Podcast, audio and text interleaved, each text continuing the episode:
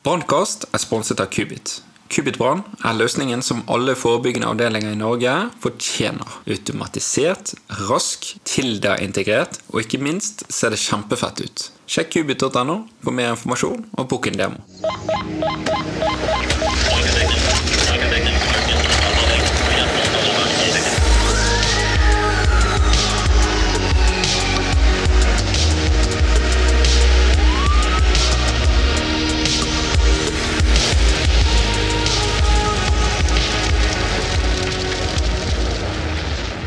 Velkommen tilbake til en ny episode med Reilers om elsikkerhet.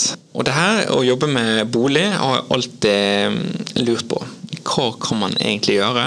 Altså, hvor MacGyver kan man være, og hva må man faktisk eh, få andre til å gjøre for deg? Og jeg har sett mye rart, så ja, da stiller jeg spørsmålet. Hva kan man gjøre selv i boligen?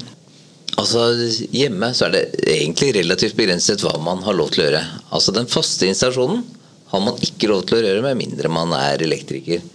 Det man kan gjøre selv, det er å lage skjøteledninger og eventuelt sette på et støpsel på et eller annet apparat.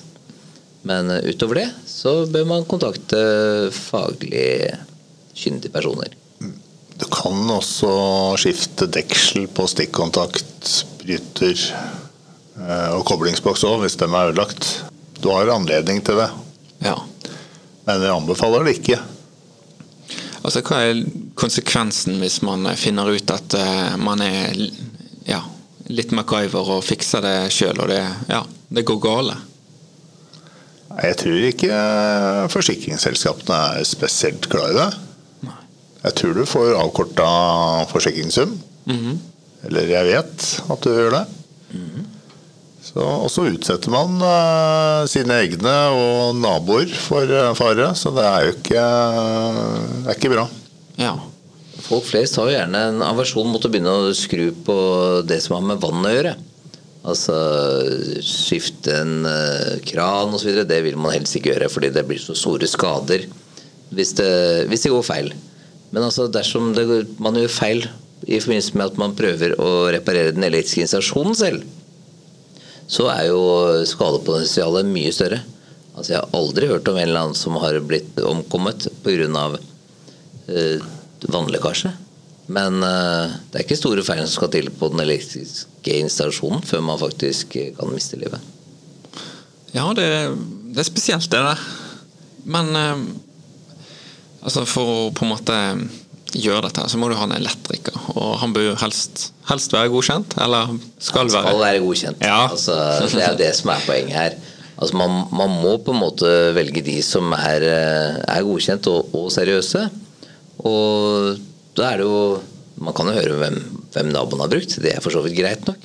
Men for å forsikre seg om at uh, vedkommende jobber i registrert, en registrert virksomhet, så bør man da ta og søke opp dette her selv. Det er veldig enkelt. Da går man inn på elvirksomhetsregisteret.dsb.no, og så kan man finne de som er godkjent eh, for å utføre installasjonsarbeidet i ditt område.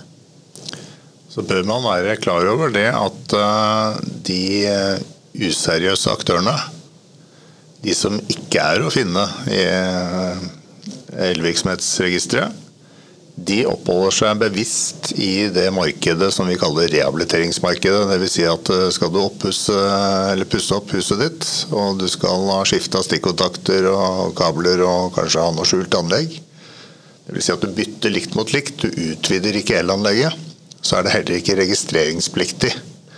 Dvs. Si at eh, Elvia og andre netteiere ikke får eh, beskjed om at det er utført noe arbeid der. Og det er slik at eh, ved utvidelse av elanlegget så kan eh, det lokale eltilsyn eller sakkyndige selskaper sånn som Reilers komme og kontrollere, eller da skal de komme og kontrollere installasjonen. Eh, ved en rehabiliteringsjobb så er ikke, ikke, får ikke vi innsikt i disse prosjektene, og da kan man ende opp med at man får tak i en useriøs aktør som, eh, som eh, gjør en mangelfull jobb, da. Kanskje ikke forskriftsmessig. Ja. ja, og Men har vi en plikt til å sjekke dette her, at de er registrert og sånn så det er, eller er det liksom Sorry, du, han var ikke registrert. I og for seg så har du det, fordi du som eier av elanlegget eh, er også ansvarlig for at eh, elanlegget er i henhold til eh, forskriftene. Så du har en plikt til å i utgangspunktet gjøre det. Og ansvaret begrenser seg jo ikke bare til eier. Det er også eier og bruker. Stemmer. Begge to er ansvarlig. Så altså, dersom du ikke eier anlegget, så er du allikevel forpliktet til å påse at det er i forskriftsmessig stand. Ja, ok. Men hva med disse her vennetjenestene, da? Altså vi, eh, vi har vel sikkert alle en venn som er bygger og tømrer, og til slutt så er jo en elektriker også, sant? Eh, Jeg har jo alltid tenkt at kompiser kan gjøre jobben for meg. Er det liksom greit, eller hvis de er godkjent, eller altså, hvordan er det? Altså, de som da eh, påtar seg arbeid på elektriske installasjoner, de skal jo være registrert i, i elvirksomhetsregisteret. Og det er jo et, en veldig grei indikasjon på om du faktisk eh, har eh, benyttet den som har lov til å gjøre det. At du får den der pålagte dokumentasjonen da, som du har krav på. Ja. Eh, Hva er denne dokumentasjonen? Den eh, dokumentasjonen er det vi kaller de fem sikre. Altså det er samsvarserklæring, det er risikovurdering, det er sluttkontroll, det er en kursfortegnelse, altså den som forteller hva som går til hva i sikkerhetsskapet, og så er det bruksanvisninger for det utstyret som er levert. Ja, ok. Um, Dersom du ikke får de dokumentene, så bør varsellampen begynne å blinke. ja. Det Ok. skal du få helt uoppfordret. Ja, de er, de er på en måte pliktige til å Ja. ja. Men er det kommet noen nye krav i de siste årene som folk bør få med seg, eller? Litt med tanke på det der med å, tilstrebe å få riktig dokumentasjon. Og det får man jo kanskje ikke via vennetjenester. Ved et eh, eierskifte nå, så skal jo fra første i første så skal eh, det foreligge samsvarserklæringer og dokumentasjon eh, på alt av arbeid som er utført i boligen. Ja, ok. Ja. Men i forhold til sånn installering og sånn som der, så har vi noe som, som kanskje er et av de viktigste tiltakene ja, selvfølgelig bak røykvarslene, men det er jo dette her med komfyrvakt. Trenger man installører, installatører av dette her, eller? Ja, så Det er jo en fordel å få det installert av en elektriker. Eh, hvis du får utført en eh, nyinstallasjon på et kjøkken i dag, så er det jo et krav om at du skal ha komfyrvakt. Men eh, det er absolutt en eh, elsikkerhetsgevinst ved å få det montert eh, ettermontert. Altså, man, De fleste løsningene er jo faste, men det finnes også pluggbare løsninger. Eh, som er et godt alternativ dersom man ikke ser at man har økonomisk rom for å få en elektriker til å montere det. Jeg har hørt at denne den komfyrvakten har fått et litt sånn dårlig eh, rykte. Ja, og det kan eh, ofte spores tilbake til feil bruk. At man ikke har eh, gått til det skrittet å lese bruksanvisninga. Det kan være en av årsakene. Men det har også fått et dårlig rykte på seg. Så, så det er veldig mange som ønsker å unngå komfyrvakta. Og det er fordi eh, at de tidligere modellene eh, ja, fra rundt 2010, mellom 2010 og 2015 de, eh, det var bare varierende kvalitet. Og det har noe med at kravet om komfyrvakt kom i 2010, eh, mens produktstandarden for selve komfyrvakten kom i 2015. Og det er i og for seg litt uheldig rekkefølge. Først bør produktstandarden komme før eh, kravet kommer. Men eh,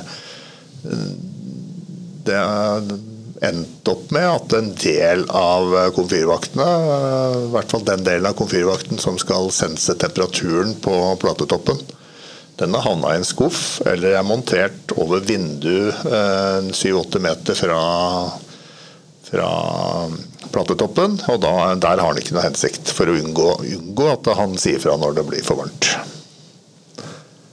Eh, og dette har noe med feilbruk ofte. At eh, bruk lokk f.eks. Eh, på kjeler. Eh, vanndamp vil utløse en, eh, en, en feilalarm, kan du si.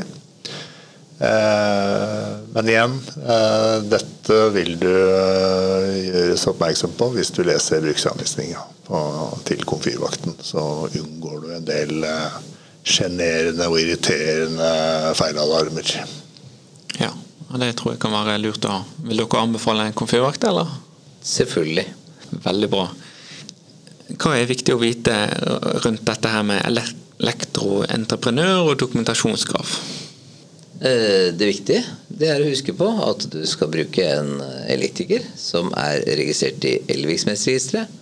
Og så skal du få de fem sikre når elektrikeren er ferdig. Ja, veldig bra. Altså En liten enkel oppsummering.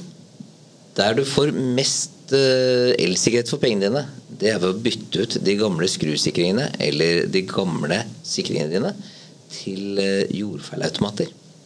Og helst også da et overspenningsvern. Ja, ok. Der kommer anbefalingen.